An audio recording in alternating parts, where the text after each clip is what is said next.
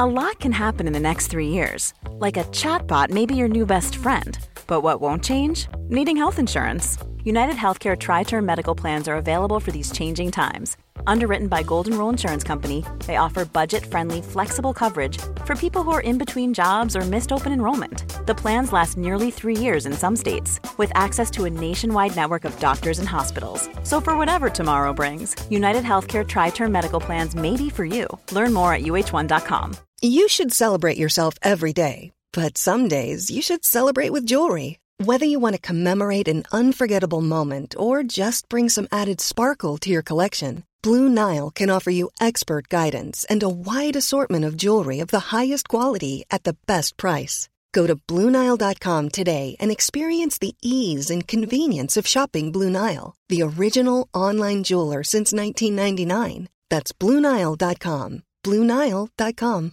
This is Paige, the co-host of Giggly Squad, and I want to tell you about a company that I've been loving, Olive and June. Olive and June gives you everything that you need for a salon quality manicure in one box. And if you break it down, it really comes out to $2 a manicure, which is absolutely insane. It's also so easy to get salon worthy nails at home with Olive and June. The difference between how your nails used to look when you did them yourself and now with the Manny system is a complete game changer. The best thing about Olive and June too is it's a quick dry. Dries in about one minute, lasts for five days, and full coverage in up to one to two coats. Visit oliveandjune.com slash perfectmanny20 for 20% off your first system. That's oliveandjune.com slash perfectmanny20 for 20% off your first system. Veckans sponsor är Telia. Hos Telia samlar man mobil, bredband, IT-support, mobilväxel, allt som gör företagande enkelt. Och det är just det här att samla allt på ett ställe, att ha någon att vända sig till när det inte fungerar, det är Telia. Ett exempel på vad som inte är Telia, det är ju som när jag lyckas boka förmötet för en poddinspelning med Finansinspektionen till efter själva inspelningstillfället. Eller när jag här, här året var liksom, fick för mig att jag skulle börja springa, så jag är liksom ute och springer taggad, träffar en kompis som säger så du Jan, på måndag ska jag springa ett lopp. Och jag känner så här, ja men det låter inspirerande, så jag käkar pasta, jag byter om, tar mig ner till Malmö stadion för att göra en efteranmälan, står där i kön och sen så när jag liksom anmäler mig så tittar de på mig och säger så här, du Jan, vårhuset är bara till för kvinnor. Och eh, det var, det var typisk en situation som inte är Telia. Oavsett, ett stort tack till Telia som sponsrar, gör Rika Tillsammans möjligt, men framför allt tack till dig som lyssnar, följer och eh, hänger med oss varje vecka människor får tillgång till solenergi och att vi kan reducera koldioxidutsläppen. På ett sätt är det egentligen bara utfallet av det vi gör. Du lyssnar på Rika Tillsammans-podden som handlar om allt som är roligt med privatekonomi i den här podden får du varje vecka ta del av konkreta tips, råd, verktyg och inspiration för att ta ditt sparande och din privatekonomi till nästa nivå på ett enkelt sätt. Vi som gör den här podden heter Jan och Caroline Bolmesson. Idag är det dags för avsnitt 93 mm. och eh, idag kommer det handla om klimatsmart sparande, hur man kan göra gott Eh, bidra eh, till liksom minska klimathotet och hjälpa människor ur fattigdom på, ja, men på, ett, på ett klimatsmart sätt. Mm. Och eh, detta avsnittet är då ett samarbete med Trine, som är då ett Göteborgsbaserat bolag som hjälper till och finansierar företag som, som sen säljer solpaneler. Mm. Och vi själva då har investerat mer än 100 000 kronor i detta sedan 2017 när jag var på plats i Kenya och eh, besökte deras eh, Ja, och såg själva och businessen såg verksamhet, och precis. hur det var för dem som fick ta emot eh, solpanelerna. Precis, och mm. eh, gästen i dagens avsnitt är då Hanna från Trine som är marknads och kommunikationsansvarig och varit med från början. Mm. Men innan vi släpper på Hanna så vill jag bara ta kort liksom så här, villkoren och ansvarsbegränsningen. Att det som vi pratar om, detta är inte finansiell rådgivning eller rekommendation att köpa en viss produkt, utan detta är liksom allmän information, en diskussion hur vi själva gör och liksom vad man kan tänka på. Särskilt viktigt är det när vi pratar om den här typen av alternativa investeringar som Trine är, där risken är stor skillnad mot aktier, där i aktier förlorar du, eller indexfonder förlorar du sällan allt, medan det kan du göra i en alternativ investering. Mm. Så därför är detta bra för till exempel den eh, eh lekhinken som mm. vi pratar om i avsnitt eh, 47. Mm. Vi rekommenderar alltid ta kontakt med en finansiell rådgivare eh, som kan titta på hur just din situation eh, ser ut. Med det sagt eh, så tänker jag fullständiga villkor finns på riketillsammans.se villkor om man vill läsa dem. Och jag tänker att vi släpper på Hanna. Yep. Varmt välkommen till oss Hanna. Du är ju marknads och kommunikationschef på Trine och du har ju varit med redan från början, så det är jättekul att du är här. Tack så mycket. Och jag tänker ju så här att eh, detta är ju liksom att så här, eh, avsnittet handlar om så här, vad, vad, gör ni? Hur kan man liksom eh, spara på ett klimatsmart sätt? Hur kan man göra gott? Hur kan man förändra livet för människor och faktiskt använda sitt kapital för att, eh, för att göra skillnad på riktigt, tänker jag.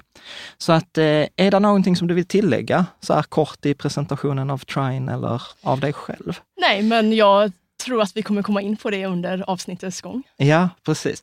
Men alltså, hur kommer det sig att, att, om vi tar för dig, varför blev det, varför blev det Trine? Nej, men egentligen, jag har alltid haft ett väldigt stort eh, samhällsintresse. Eh, mm. alltid tänkt att jag vill göra någonting som är meningsfullt eh, och har en bakgrund inom mer att jobba faktiskt med politisk lobbying och mm. med mm. driva liksom, intressefrågor och liknande. Så jag trodde kanske inte att jag skulle hamna på ett eh, ja, tech-startup egentligen. Ja. Eh, men det blev egentligen en eh, ja, en tillfällighet att jag fick ögonen för Trine det var ju precis som du nämnde. Det fanns egentligen inget bolag mer än på pappret. Det fanns mm. en affärsidé och det fanns eh, stora ambitioner och drömmar eh, som mm. det brukar göra i nystartade bolag. Mm. Och jag kom in precis när vi egentligen hade, nu måste vi testa om den här eh, idén faktiskt funkar i verkligheten. Mm. Eh, finns det ett intresse? Funkar modellen och liknande? Och det var hösten 2015. Mm. Och min initiala, jag tror att när jag träffade en av, en av grundarna, Kristoffer, mm. eh, första gången så tänkte jag, ah, vad är det här? Jag hade bara sett några så här, nästan buzzwords, solenergi, eh, finansiering och så tänkte jag, ah, vad är det här egentligen? Men mm. så tog jag kontakt med Kristoffer och fick ganska tidigt, och det är väl det som fortfarande driver mig ganska mycket, och det är just det här att helt plötsligt så fick jag ett svar på att ah, men vänta, företagande och att göra nytta är ingen motsättning. Mm. Mycket det man kanske har levt upp för, eh, le, eller så här, under min uppväxt och liknande så var det ganska stor polarisering eh, för att vi kunde se de här stora bolagen där det ibland har varit svårt att se, men gör ni verkligen nytta eller gör ni typ marknadsföring bara för att mm. ni vill visa att ni är goda? Och sen så mycket välgörenhet och civila organisationer som kanske har en, har en god intention men inte alltid är så effektiva. Mm.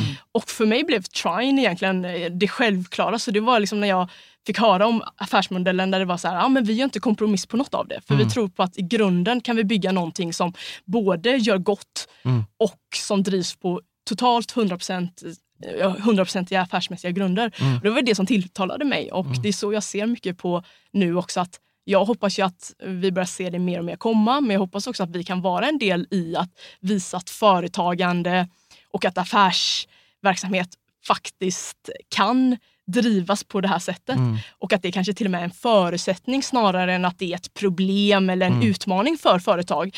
För man, kan, man visar att i grunden har vi en, en modell där gör vi mer nytta så tjänar vi mer pengar mm. och då blir det lite som en, det blir en ekvation som faktiskt går ihop. Mm. Mm.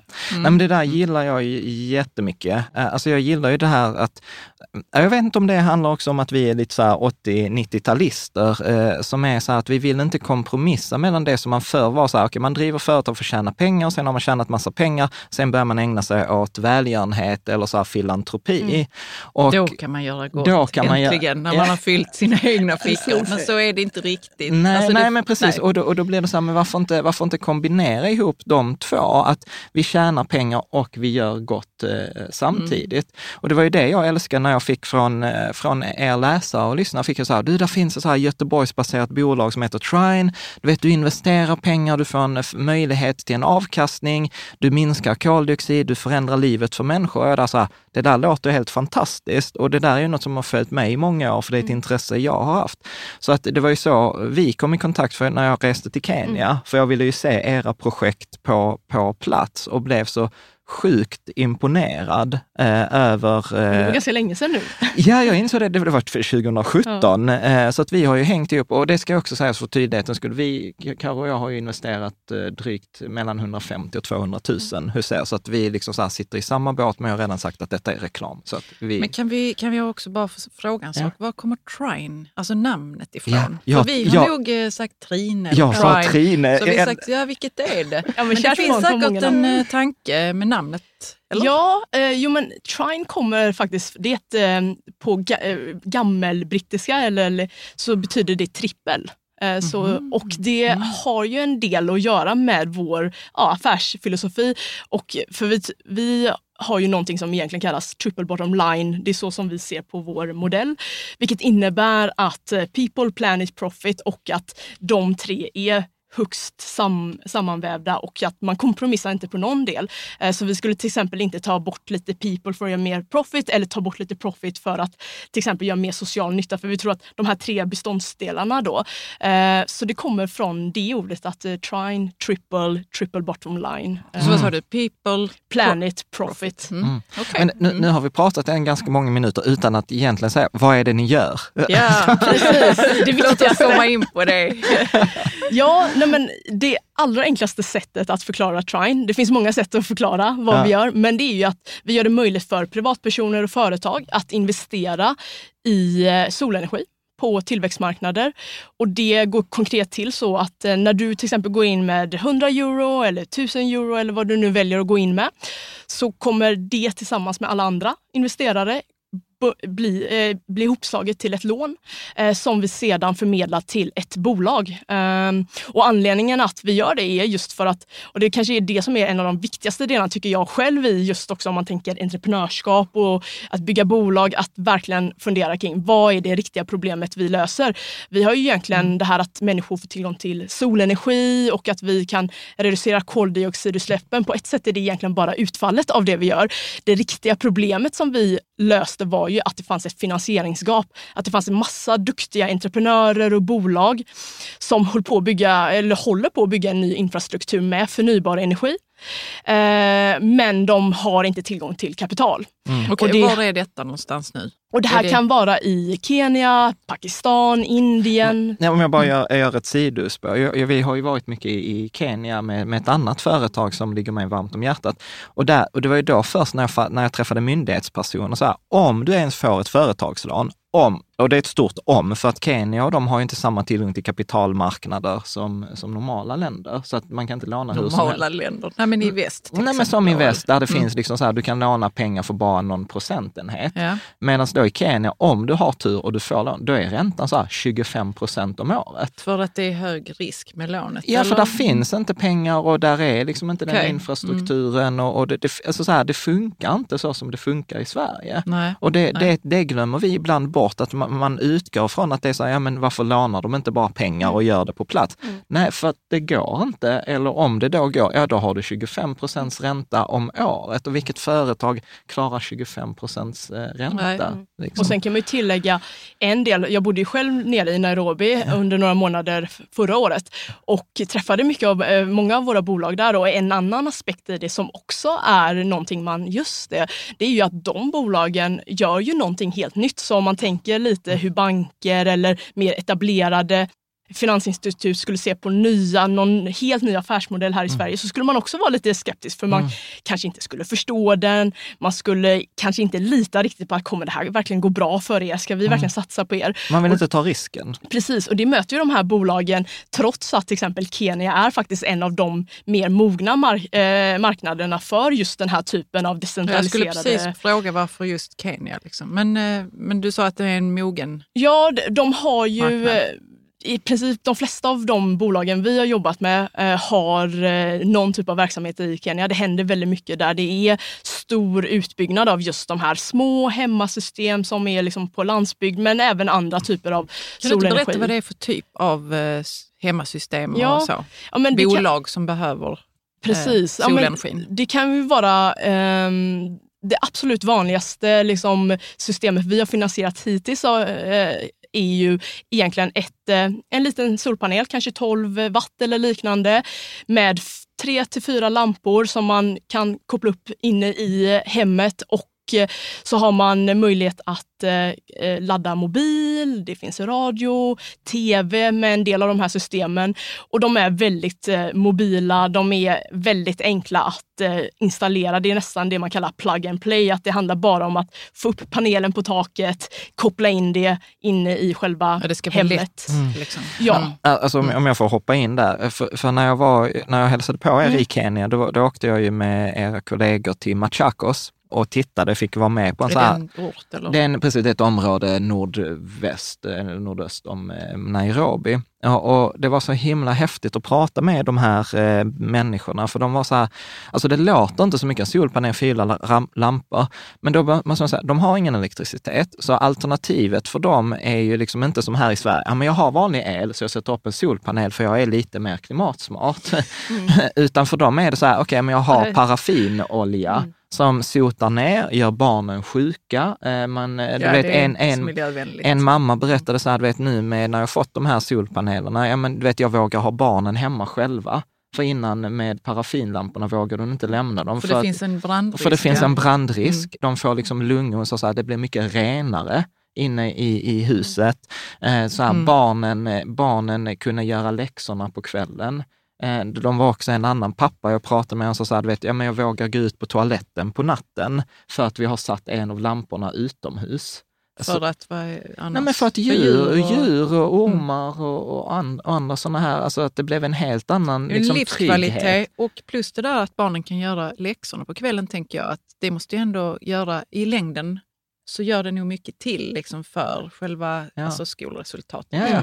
Och, och, och, det roligaste som jag tyckte var så himla coolt, att en person som jag träffade där, han berättade ju så här, och detta blev till och med billigare än att köpa den där paraffinoljan som de mm. använde i mm. vanliga fall. Och då har vi inte ens gått in på att, liksom para, att bränna paraffin är ju ingen fantastisk grej varken för människor eller för, för, för miljön. Mm. Så, att, så att det är lätt att, eh, så för min fördom, varför jag säger mm. det här, för min fördom när jag åkte ner, för det första fattar jag inte att ni finansierar solpaneler, utan jag trodde att ni sålde solpaneler, men det ska vi ja. prata om sen. Och den andra fördomen så var jag så här, ja men nu är det vi i väst som har hittat på någonting igen för att sälja på liksom en stackars mm. ny marknad. Och det var därför jag blev så himla förvånad och positivt, positivt överraskad. Jag har varit ett stort fan till er sedan dess. Att detta gjorde verkligen skillnad för dem och de tjänade pengar. Så det var inte mm. ens att de satte sig i skuld för att göra att när de bytte från... Alltså de sparade pengar? De sparade, mm. de sparade pengar. På ja, att göra... och fick bättre livskvalitet. Ja, och, och det är helt vanliga människor ju ja, ja, ja. vi pratar om. Och sen så var det Eh, det är människor som bor i byar. Ja, ja så. precis, som bor på land. Alltså detta är ju landsbygden. Eh. Landsbygden. Och var det också så att det var eh, bolag som, eller hur var det? Ja, precis. Mm. Det, detta får du nu förklara. Ja, jag, jag, jag, för att jag tror att det där är, jag skrev det faktiskt här, som en av de vanligaste missuppfattningarna mm. om er, är ju att det är ni som säljer solpanelerna. Ja, ja precis. fortfarande tre år senare. ja. Så kan du inte så här, set the record straight? Ja. ja, men så det vi gör, så det finns bolag redan som distribuerar och säljer de här panelerna och eh, systemen och liknande. Det vi gör är att vi gör det möjligt för dem att egentligen kunna växa. Eh, för det man ska komma ihåg, och då kommer vi lite tillbaka till det jag pratade kring varför, vad är det riktiga problemet här? Ja, men det är ett finansieringsgap och det är för att de säljer ofta de här systemen istället för att eh, slutkonsumenten då eh, betalar det direkt i en klumpsumma, för det har man ofta inte råd med. Mm. Eh, däremot har man råd att sprida ut och precis som du säger, då blir det faktiskt eh, konkurrenskraftigt och i, i, många fall billigare än att köpa diesel eller fotogen och liknande varje dag. Men det tar ju längre tid då att betala av såklart yeah. systemet eller betala för systemet.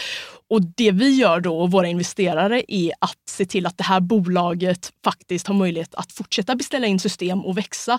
Jag brukar jämföra det, eller jag har börjat att jämföra det, för jag förstår att det kan vara svårt att förstå hur eh, hur det hänger ihop och varför det faktiskt är så viktigt. Och det är lite som om du skulle ha en kiosk och sälja cola och så kan du ta in, du kan köpa in tio kolaburkar innan för de, den, det kapitalet du har. Mm.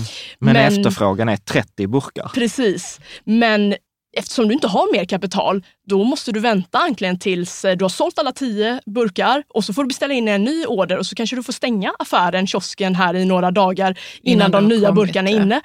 Och det är lite liknande här att de behöver det här kapitalet för att se till att de faktiskt kan fortsätta växa. Eh, I och med att det finns lite, det är en liten löptid mellan att de säljer ett system och faktiskt får det tillbaka betalt bolaget med såklart en vinstmarginal som de också har. Eh, och det, det är där... lite något vi tar för givet eh, kan jag känna så i, här i, i Sverige i väst. Liksom att Ja, man måste ju liksom ha eh, svung på eh, hela den processen. Mm. Sälja och köpa in. Och man, alltså det skulle ju inte funka att man stängde ner sin affär. Mm. Eh, för att nej, vi har ingenting nu. Alltså det, det, eh, jag tänker är att det måste ju eh, stoppa liksom utvecklingen som pågår. Alltså det är Något så in i mm. det och eh, skapa en viss uppgivenhet också kan jag tänka mig. När man liksom inte bara kan köra på. Precis, och det är ju någonstans det som vi ser nu att med det här som våra investerare gör och även, det händer ju på andra delar också. Det är inte, det är ju, det är inte bara Trine som håller på med det här såklart. Men jag tror att vi är fortfarande ganska unika i att verkligen göra det möjligt för privatpersoner att även här, jag läser ju själv också ofta efter liksom alternativ att faktiskt investera mer hållbart och vara säker på att det faktiskt är så. För att ibland när jag kollar på de här globalfonderna, jag har ju kollat till exempel på listan som du mm. eh, sammanställer kring fonder och liknande och det är väldigt, väldigt knepigt faktiskt att och kunna se, okej okay, men vad är det det investeras i faktiskt? Mm. Eh, för att det blir liksom lite lager på lager på lager på lager och till slut så har man lite tappat tråden. Jaha, var det solenergi, vind, vilket bolag? Mm. Här dyker ju något annat bolag som jag förknippar yeah. med helt andra saker än, än mm. miljö till exempel upp. Och det är väl här det blir ett mycket mer direkt att okej, okay, det du vet när du går in med dina eh, pengar hos oss är att det kommer resultera i de här typerna av eh, solenergisystem. Mm. mm. Just nu i alla fall. Mm. Sen får vi nej, men precis, nej, men för det med fonder är ju jätteklurigt. Alltså för, för vissa fonder är så här, nej men vi exkluderar allt som är så här, vapenindustri, men vi har med eh, liksom en annan sorts, eh, viss procent fossila. Sen är det vissa som säger så här, nej men vi har med alla bolag för vi försöker påverka mm. dem. Och sen sitter du ändå där med minsta gemensamma nämnare, att du har alla de där bolagen i, i, din, i ditt sparande i alla fall. Etiska. Nej, mm. som inte är så, så, så etiska. Eh, och och där, där gillar jag ju det jättemycket, precis som du säger, för det blir väldigt direkt. Sen, sen har ju det vissa också nackdelar som vi, kommer, som vi kommer att prata om. Så att, okay, så att då har vi det ni gör är alltså så här, okej, okay, så ni finansierar andra företag så att egentligen mer eller mindre så att de kan köpa in de där 30-40 kolorna. Det är en jättebra metafor. Så att de kan sälja eh, alla dem. Så att ibland när jag, när jag kom hem från Kenya så beskrev jag så här, men det som ni är duktiga på, det gäller egentligen att hitta de där kioskerna som säljer cola. Så hur, kan du inte berätta lite om den processen? Ja, ja men den eh den går ju egentligen till så att nu är vi i kanske en fas där väldigt många av de här bolagen som säljer system och liknande eh, känner ändå till Trine på något sätt eller man har lite koll på den för det är fortfarande en ganska nischad sektor även om, även om den är stor ur ett investeringssynpunkt. Eh, Men så det vi gör är ju egentligen att vi nu kanske får in en hel del intressanta bolag. Vi blir intresserade och då gör vi en screeningprocess process. Mm. Eh, där vi idag lägger ganska stor vikt på den finansiella delen av bolaget. Så det handlar om att se, kan de ta den här typen av skuld idag? Eh, hur, eh, hur ser marginalerna ut? Hur ser den framtida tillväxten ut och liknande? Och sen så gör vi en due diligence-process helt enkelt som på många sätt inte jättestor skillnad från hur vanliga, ja, en bank eller en riskkapitalist skulle göra. Där vi helt enkelt försöker skapa oss en så god bild som möjligt av det här bolaget, eh, vilka utmaningar de har, vilka möjligheter det finns och hur långt framme de är eh, på marknaden. Och utifrån om allt är liksom check, check, check på liksom den bedömningsprocessen så avslutar vi alltid med att vi alltid besöker dem på plats mm. eh, för att träffa liksom, teamet, för att se framförallt också hur hela op liksom, operations, alltså verksamheten faktiskt ser ut. För den är ju väldigt beroende av att faktiskt eh, man har en bra process, att mm. man kan skala upp det här. Eh, för även om de kan göra mycket digitalt idag, vi kan ju till exempel få GPS-koordinater och se väldigt mycket data i form av system och hur går det med återbetalningar och liknande. Men till syvende och sist så handlar det om att ska du skala upp det här så måste du se till att eh, jobbet på marken är så pass effektivt och bra som möjligt. Eh, I och med att vi pratar inte om att kanske installera tusen system om dagen, vi pratar om 10 000 mm. och mer eh, för de här bolagen som är de absolut ledande.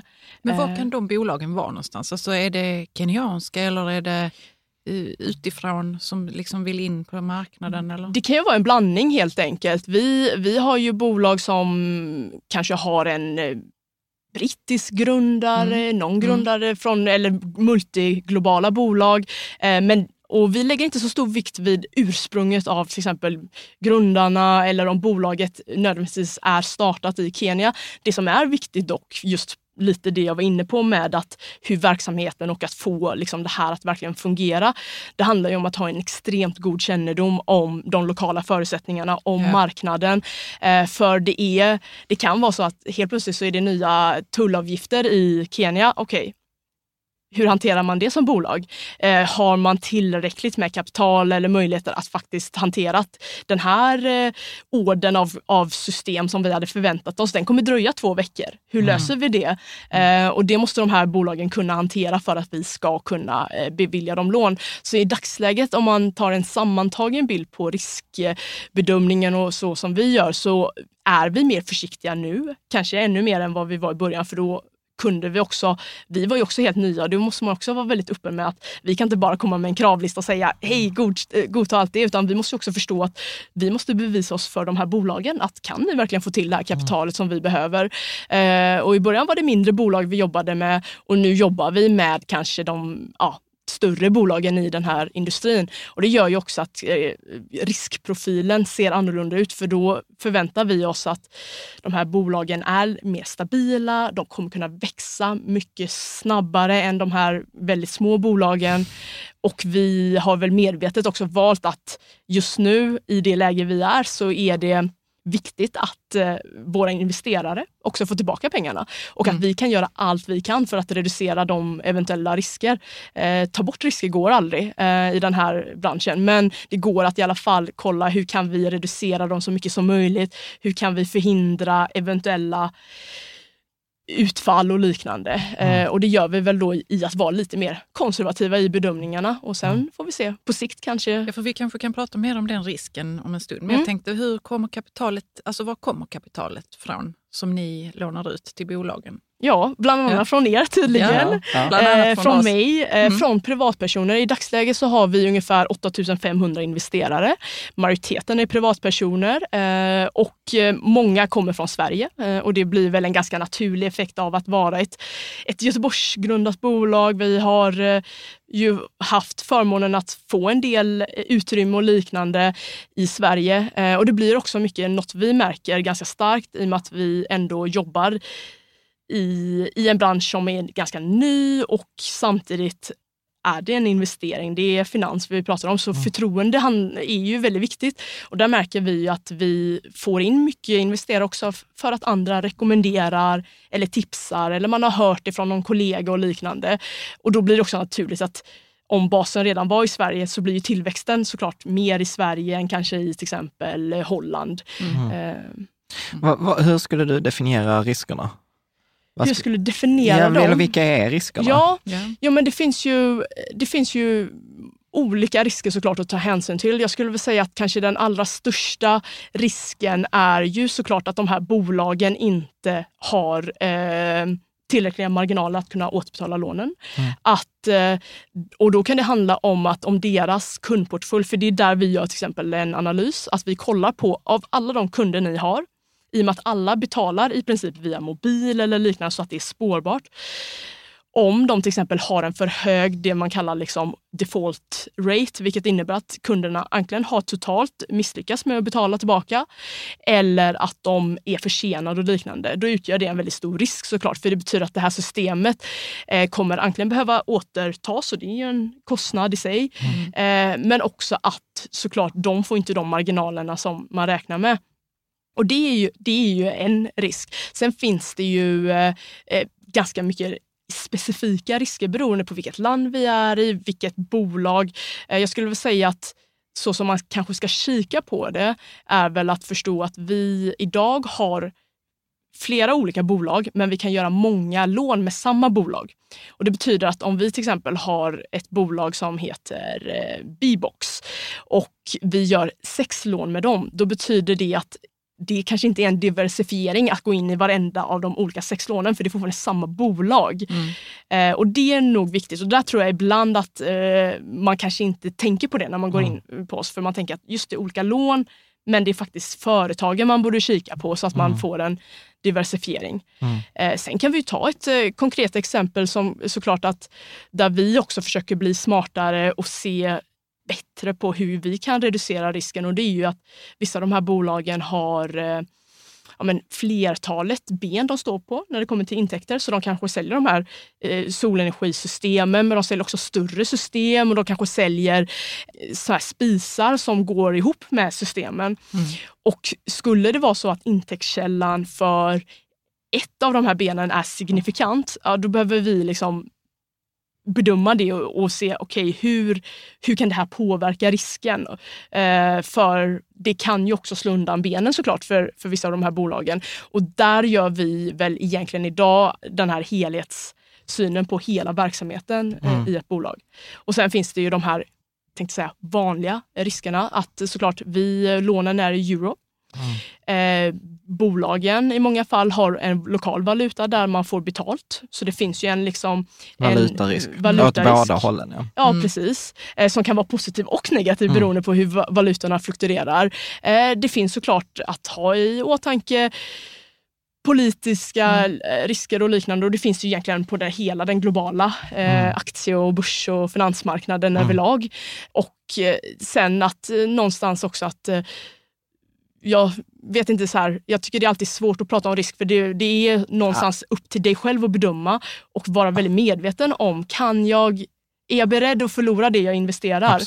Eh, och det tycker jag väl är den viktigaste frågan ja. att ställa sig. Absolut. Men jag brukar beskriva er som en så alternativ eh, investering och till våra följare så brukar vi alltid tjata om så här fyra hinkar-principen, där detta är en så här fantastisk investering för den liksom aktiva hinken. Liksom så att, den, som, den lek, fjärde hinken, den fjärde hinken mm. där basen alltid ska vara så här, globala indexfonder, låga avgifter.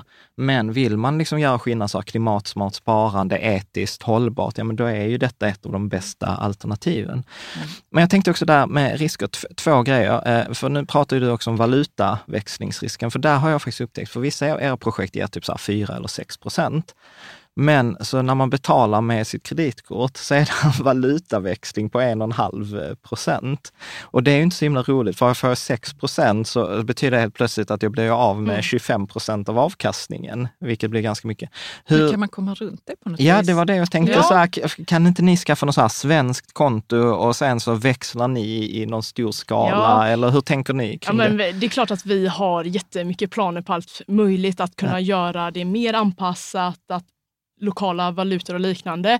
Eh, sen tyvärr, just så som det är i dagsläget, så mm. handlar det nog tyvärr om att vi bara får försöka tipsa. Vi får lite tips från investerare också mm. som har hittat andra kreditkort mm. eller man använder till exempel eh, precis, eller man använder liksom tjänster som Transferwise eller Revolut och liknande. Eh, det är ju tyvärr, och det sätter väl också igen fingret på att eh, det finns saker på finansmarknaden som tyvärr behöver förändras ja. och som drabbar oss konsumenter extremt extremt mycket. Mm. Och där blir alla aktörer som vill göra saker lite annorlunda blir ju ja, lite gisslantagare. Ja. Det blir en tröskel för en. Ja. Precis, Såklart. och det blir för oss också att vi bara, ja vi hade önskat att det var helt annorlunda, att det skulle vara superenkelt för dig. Mm. Eh, men tyvärr så har vi fyra stora banker till exempel som har de uppläggen de har eller mm. liknande. Mm, men där tycker jag det igen att kika gärna upp det innan, mm. fråga oss så försöker vi ge de svar vi kan. Mm. Men det är bra att vara medveten om sådana saker som att alla lån, alla investeringar vi har i dagsläget sker i euro. Då. Ja. Mm. Men, vad vi, sa du? Kan inte du, ja, du pratade om avkastningen eller ska vi, nej, men, vi vänta lite vi, med vi, vi, kan vänta lite med det, men jag, vi kommer att göra ett avsnitt på bästa kreditkorten och där har vi alltid med ett kort utan växlingsavgift mm. just för sådana här mm. Eh, situationer. För det blir, alltså, procent, alltså procentuellt sett så blir det så stor del av avkastningen ja. man går, ja, ja. man mm. går eh, liksom miste om. Men du, en, en annan grej nu, eh, så här jobbig fråga blir mm. detta. Eh, där var ju, ja, Eh, där var ju ett projekt som misslyckades mm. och jag, jag, vet för jag fick så här mejl att ni försökte lösa det. Kan mm. du inte bara ge en kortis? Liksom? Ja men absolut. Jo, men det var ju faktiskt ett av, jag, jag nämnde lite kring risker och vad man mm. kan kika efter. Så det här var ett av de tidiga bolagen i portföljen där bolaget sålde ganska små system. Nästan typ bara en liten två lampor eller liknande. Mm. Ganska små. Eh, på, och det goda med det var väl att eh, det verkligen är någonting som kan få en stor eh, räckvidd. Man kan nå verkligen det man kallar bottom of pyramid, alltså verkligen kanske en dollar om dagen, den typen av målgrupp. Eh, deras eh, problem som skedde var att eh, under förra året, om jag inte missminner mig helt, så fick, eh, kom det ett nytt besked från Kenias regering att man skulle sjösätta ett jättestort projekt kring gasspisar i Kenya. För matlagning är ju ett av de stora problemen i de här länderna. Att det är farligt och liknande inomhus. Ja, man och, eldar alltså med kol och grenar. Jag har ju sett mm. detta när jag mm. rest där nere. Precis. Mm. Och det här bolaget då utöver de här lamporna så hade man också att man eh, också sålde gasspisar eh, och man gjorde ofta det som ett kit och liknande. Det var ganska betydande in, intäktskälla. Och när det här stora projektet tillsammans med jag tror Världsbanken och liknande eh, så egentligen så slog det ut väldigt stora. De, de fick egentligen säga okej, okay, vi kan inte få in den här, eh, de hade väntat på en eh, ny investeringsrunda. Det, en det här av, lilla bolaget? Eller så? Ikea, ja precis. Ja. Det, det bolaget väntade på en, eh, att stänga en runda. En av eh, de potentiella investerarna drog sig ur mm. och man kunde inte riktigt fortsätta för det var inte konkurrenskraftigt längre med mm. de eh, priserna de hade på sina mm. gasspisar. Och då blev det så här klassiskt fall att eh, Just för att det var en stor intäktskälla som också kom från det. Eh, och tanken var väl att de här egentligen mm. skulle växa tillsammans. Mm. Och det blev inte riktigt så. Eh, och där gick vi då in när vi fick reda på det och så tillsammans med andra långivare de hade och försökte lösa situationen, se finns det andra liksom eh, Finns det andra eh, vad säger man, collateral i, mm. i bolaget? Finns det andra sätt att göra det? Och vi har väl egentligen nu då, och det var därför vi valde att sätta det nu helt officiellt till default och vi inleder en likvideringsprocess då eh, mot bolaget. Och det är ju jättetråkigt. Eh, som sagt, det, vi ser ju våra partnerskap som långsiktiga men någonstans så eh, har vi en, en stor skyldighet mot investerarna också att mm.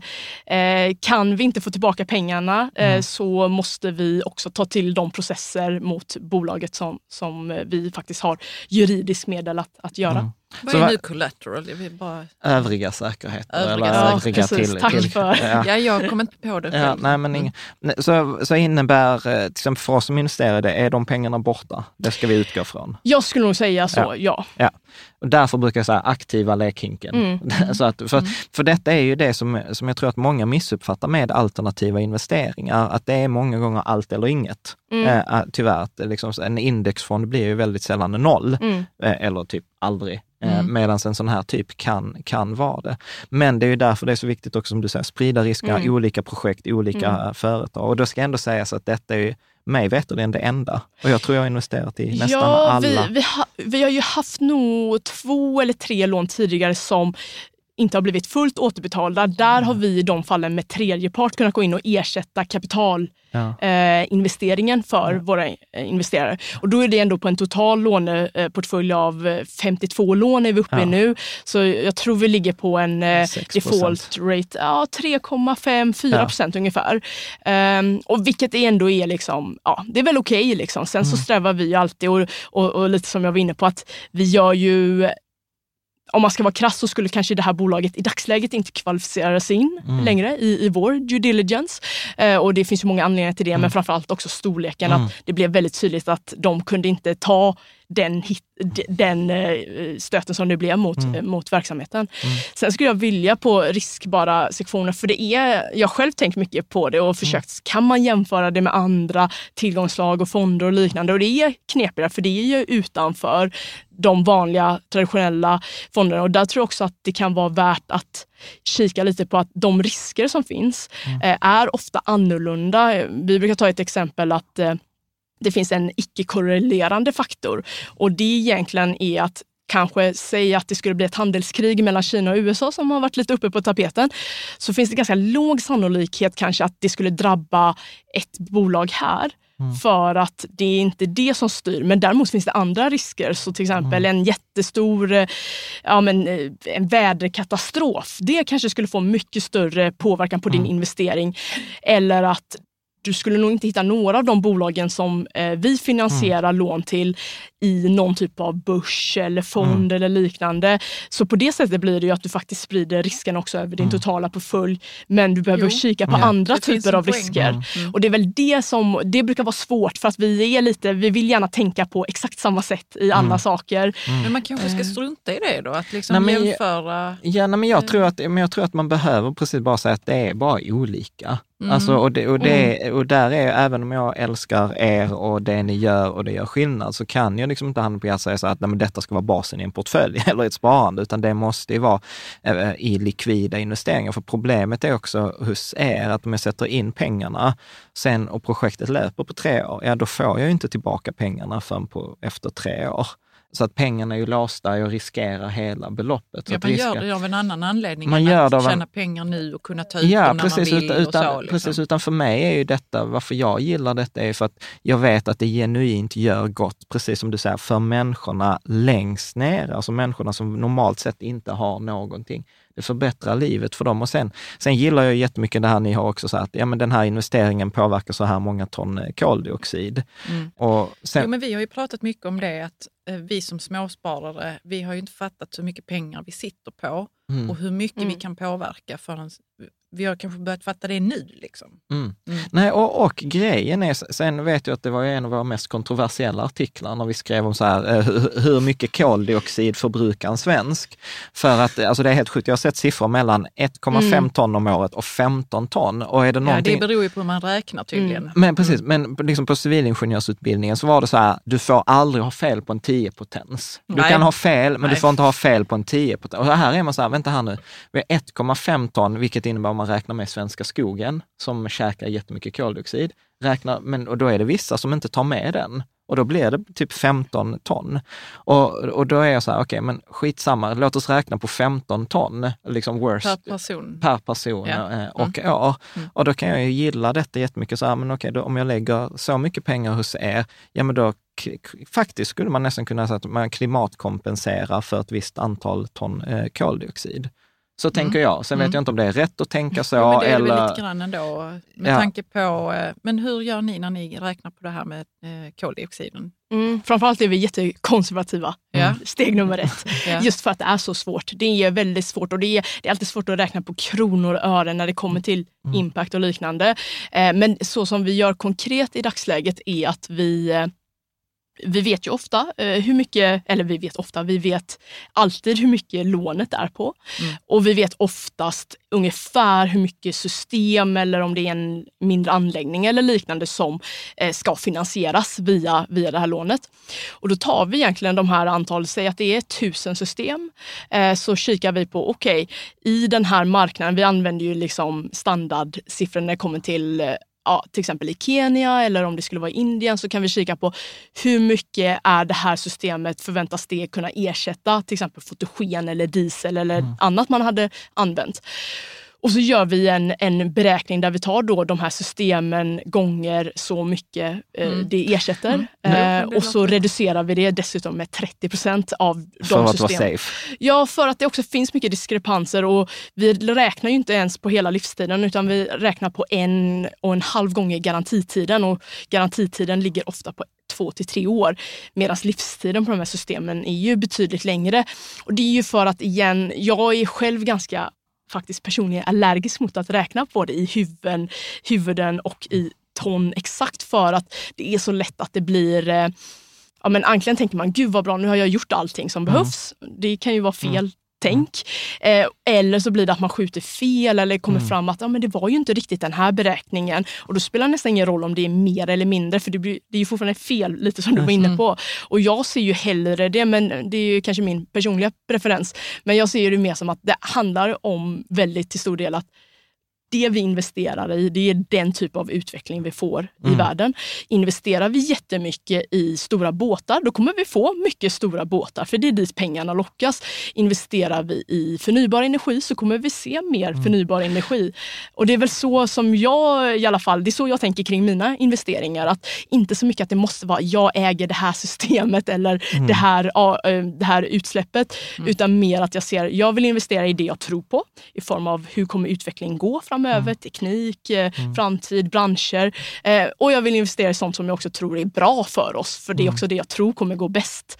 Eh, men där kan man ju ha lite olika filosofi såklart. Mm. Nej, men jag gillar jättemycket, jag är också den, alltså, våra pengar skapar den framtid vi, vi vill ha, så att jag tror att det där är superviktigt. Men, men mm. kanske så här, mm. svår fråga, jag vet att du kommer ogilla detta, men för att få en känsla för, så om jag skulle sätta 100 000 hur mycket liksom så här skulle du, liksom, du ska en, en 10-potens, det behöver inte vara rätt exakt. Men, in, in, ja, äh, men hur mycket skulle det klimatkompenserat? Precis. Ja, men vi har ju, det har ju verkligen eh, vårt, vårt schablonbelopp mm. liksom, eller liknande mm. på på ton eh, koldioxid har, skiftar ju som sagt. Mm. Men jag tror vi har att eh, ungefär ett genomsnitt på de här mm. lånen på 80 euro per ton. Mm. Så det är ju mer faktiskt ibland än om du till exempel ska gå in på vissa sajter och köpa mm. en klimatkompensation och mm. liknande eller köpa utsläppsrätt.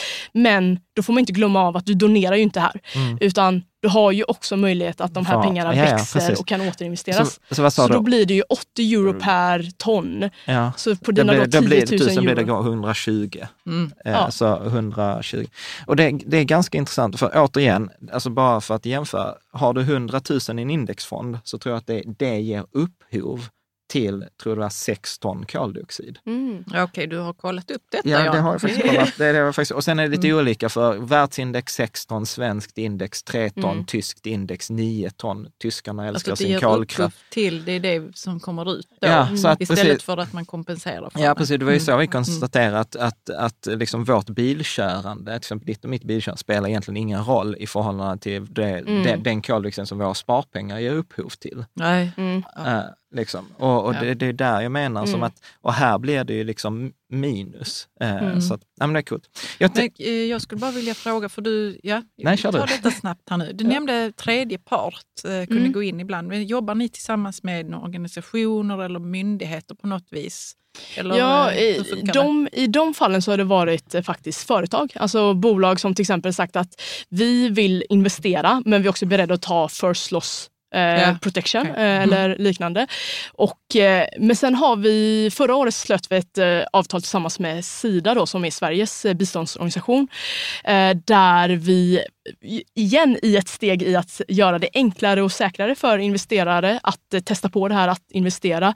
Där de skrev ett garantiavtal med oss och det är ju de en av få eh, myndigheter som kan göra att de kan ge garantier för lån. Så det är ganska stort, eh, en stor process, eh, men det innebär konkret att vi nu under förra året och även i kommande lån eh, kommer i flertalet av dem till exempel kunna erbjuda dig att eh, ja, 60 procent av ditt insatta kapital är garanterat.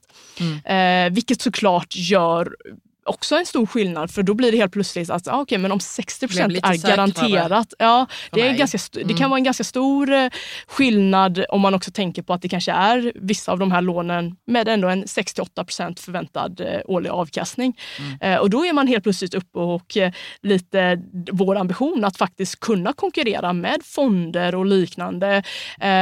Och det handlar ju om många delar, att både att det måste vara det måste konkurrera rent liksom, avkastningsmässigt och och, men också i form av risk och mm. liknande.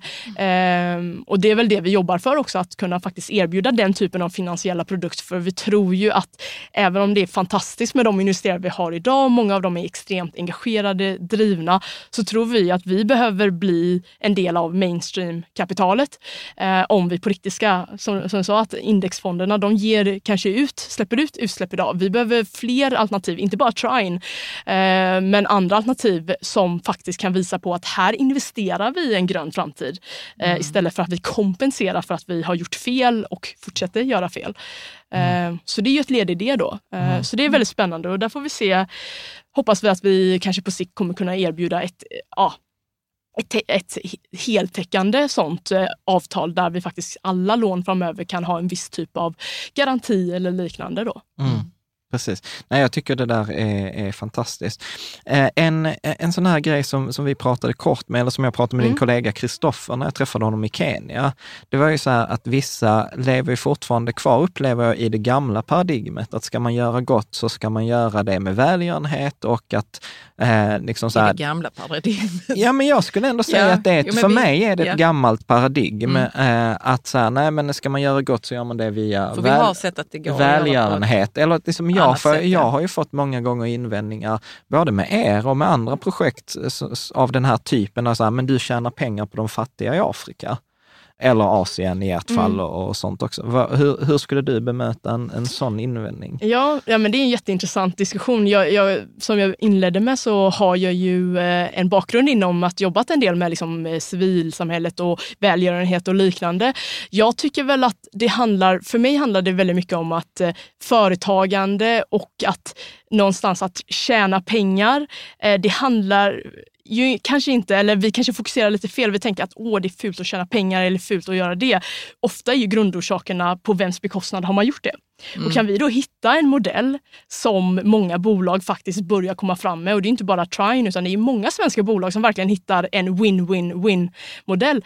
Då, eh, då blir det ju helt plötsligt, då får man nästan svänga på det där och tänka att okej, okay, fast om vi, ska, om vi kan göra så mycket nytta som möjligt, då kommer det innebära att vi tjänar pengar. Och då, då blir det ju faktiskt inte en motsättning däremellan. Eh, jag tror att, eh, det, men det är svårt liksom för att vi lever i mycket kanske gamla föreställningar och även dåliga erfarenheter såklart också. För det, har ju, det finns ju och det har funnits fall där man ser att det här, det finns en tydlig förlorare.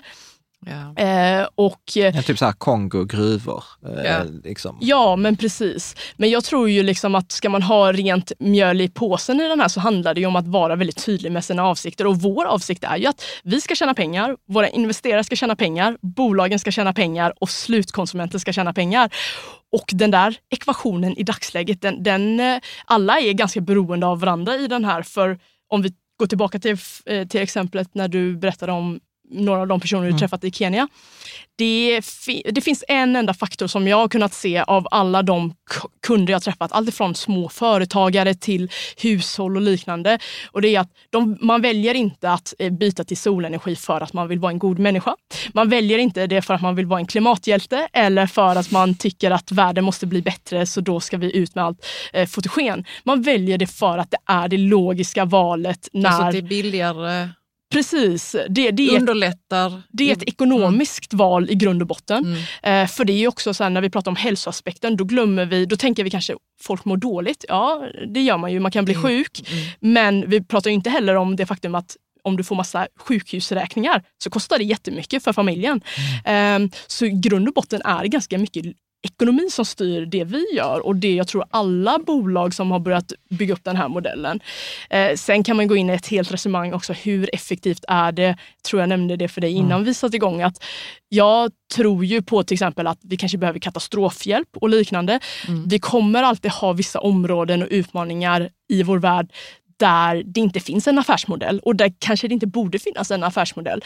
Men det finns jättemånga utvecklingsområden där vi måste ifrågasätta, kanske är det konstgjord andning, att vi mm. pumpar in subventioner, kapital, slår ut i många fall lokala det, det där, marknader. Det där mm. såg jag, jag var i Kenya 2008 tror jag det var. Eh, och det var ju precis efter den här svältkatastrofen de hade på Afrikas horn mm. med Somalia, Kenya, Tanzania.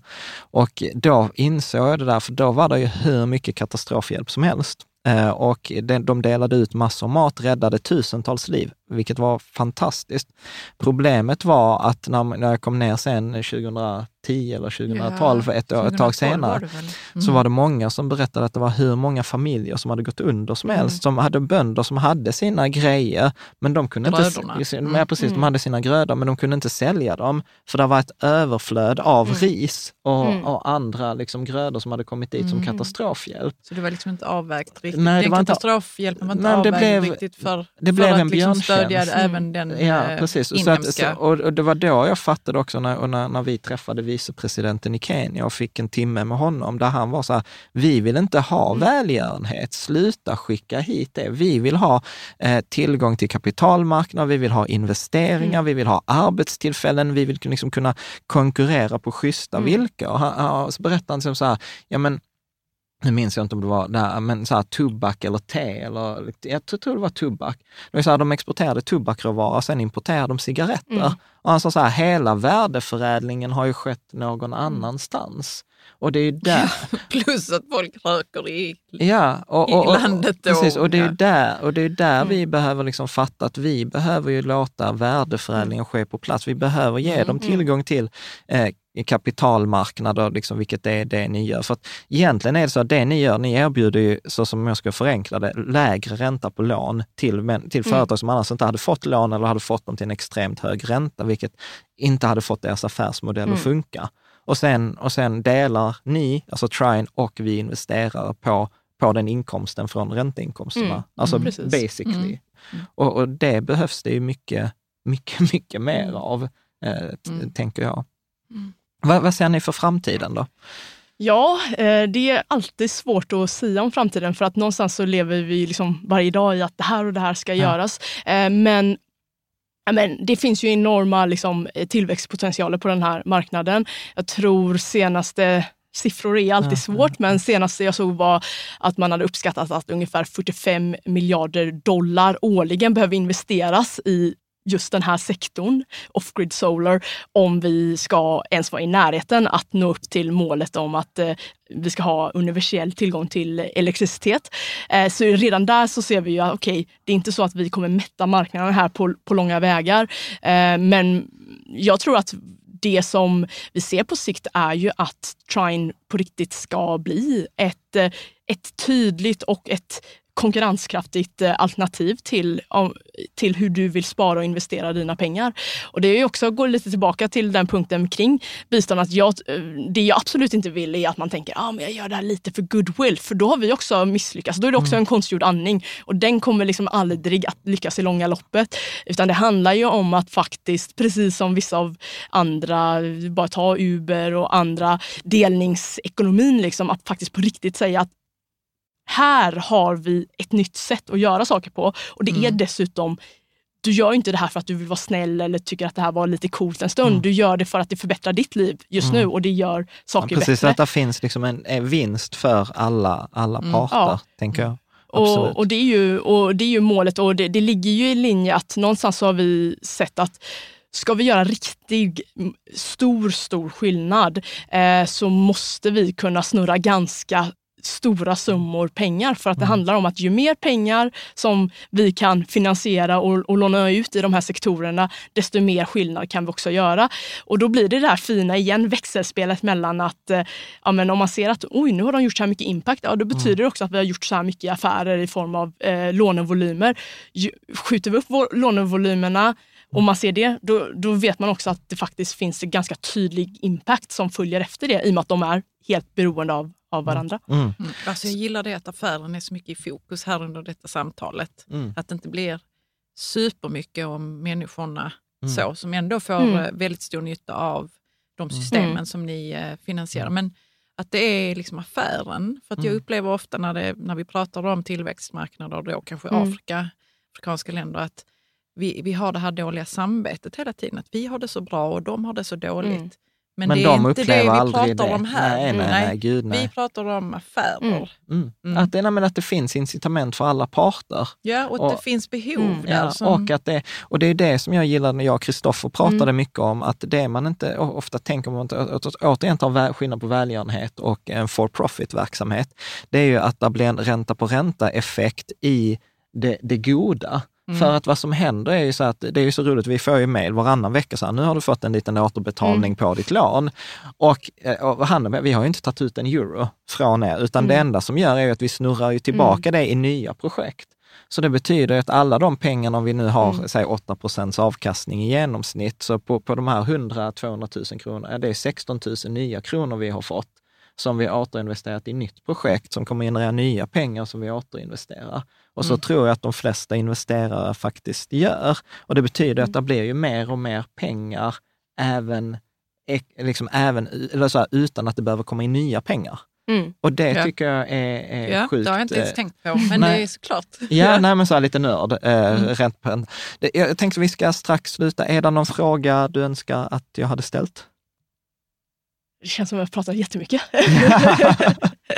eh, nej, men eh, jag menar, jag, det jag eh, kan ställa en lyssnarfråga. Ja, ja såklart. Ja, men jag tycker det hade varit jättespännande att höra, för som sagt, eh, även om vi är här för, och det har varit mycket Trine-prat, så jag och jag tror att hela teamet på Trine, vi brinner ju ganska mycket för hela det här området i att förstå vad, vad är det man letar efter som investerare för att se att okej, nytta Mm. och avkastning går ihop. Vad, vad finns det för krav man har? Vilka alternativ kikar man på idag? Det hade varit väldigt spännande att faktiskt förstå mer av det. För jag pratade faktiskt, träffade en eh, en kollega i området, eh, i sektorn eh, tidigare idag och vi pratade kring just det här med hållbarhet inom Mm. finansmarknaden och att det stora problemet vi ser är väl inte att det kommer bli för många som ger sig in utan snarare det att fler måste ge sig in fort nog Mm. för att eh, många av kanske bankerna hittills har i alla fall inte visat att man kan faktiskt erbjuda de alternativ som är bra nog.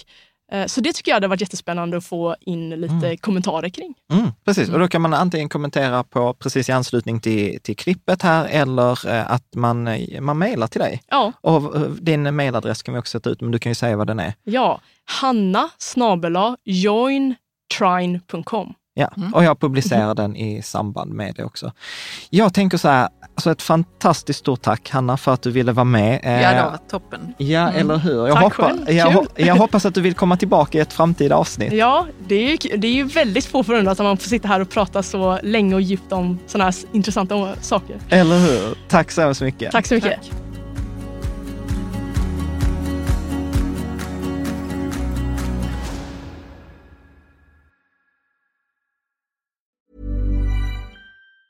Even on a budget, quality is non-negotiable. That's why Quince is the place to score high-end essentials at 50 to 80% less than similar brands. Get your hands on buttery soft cashmere sweaters from just 60 bucks, Italian leather jackets, and so much more. And the best part about Quince, they exclusively partner with factories committed to safe, ethical, and responsible manufacturing. Elevate your style without the elevated price tag with Quince. Go to quince.com slash upgrade for free shipping and 365-day returns. Mom deserves the best, and there's no better place to shop for Mother's Day than Whole Foods Market. They're your destination for unbeatable savings, from premium gifts to show-stopping flowers and irresistible desserts. Start by saving 33% with Prime on all body care and candles. Then get a 15-stem bunch of tulips for just $9.99 each with Prime. Round out Mom's menu with festive rosé, irresistible berry chantilly cake, and more special treats. Come celebrate Mother's Day at Whole Foods Market.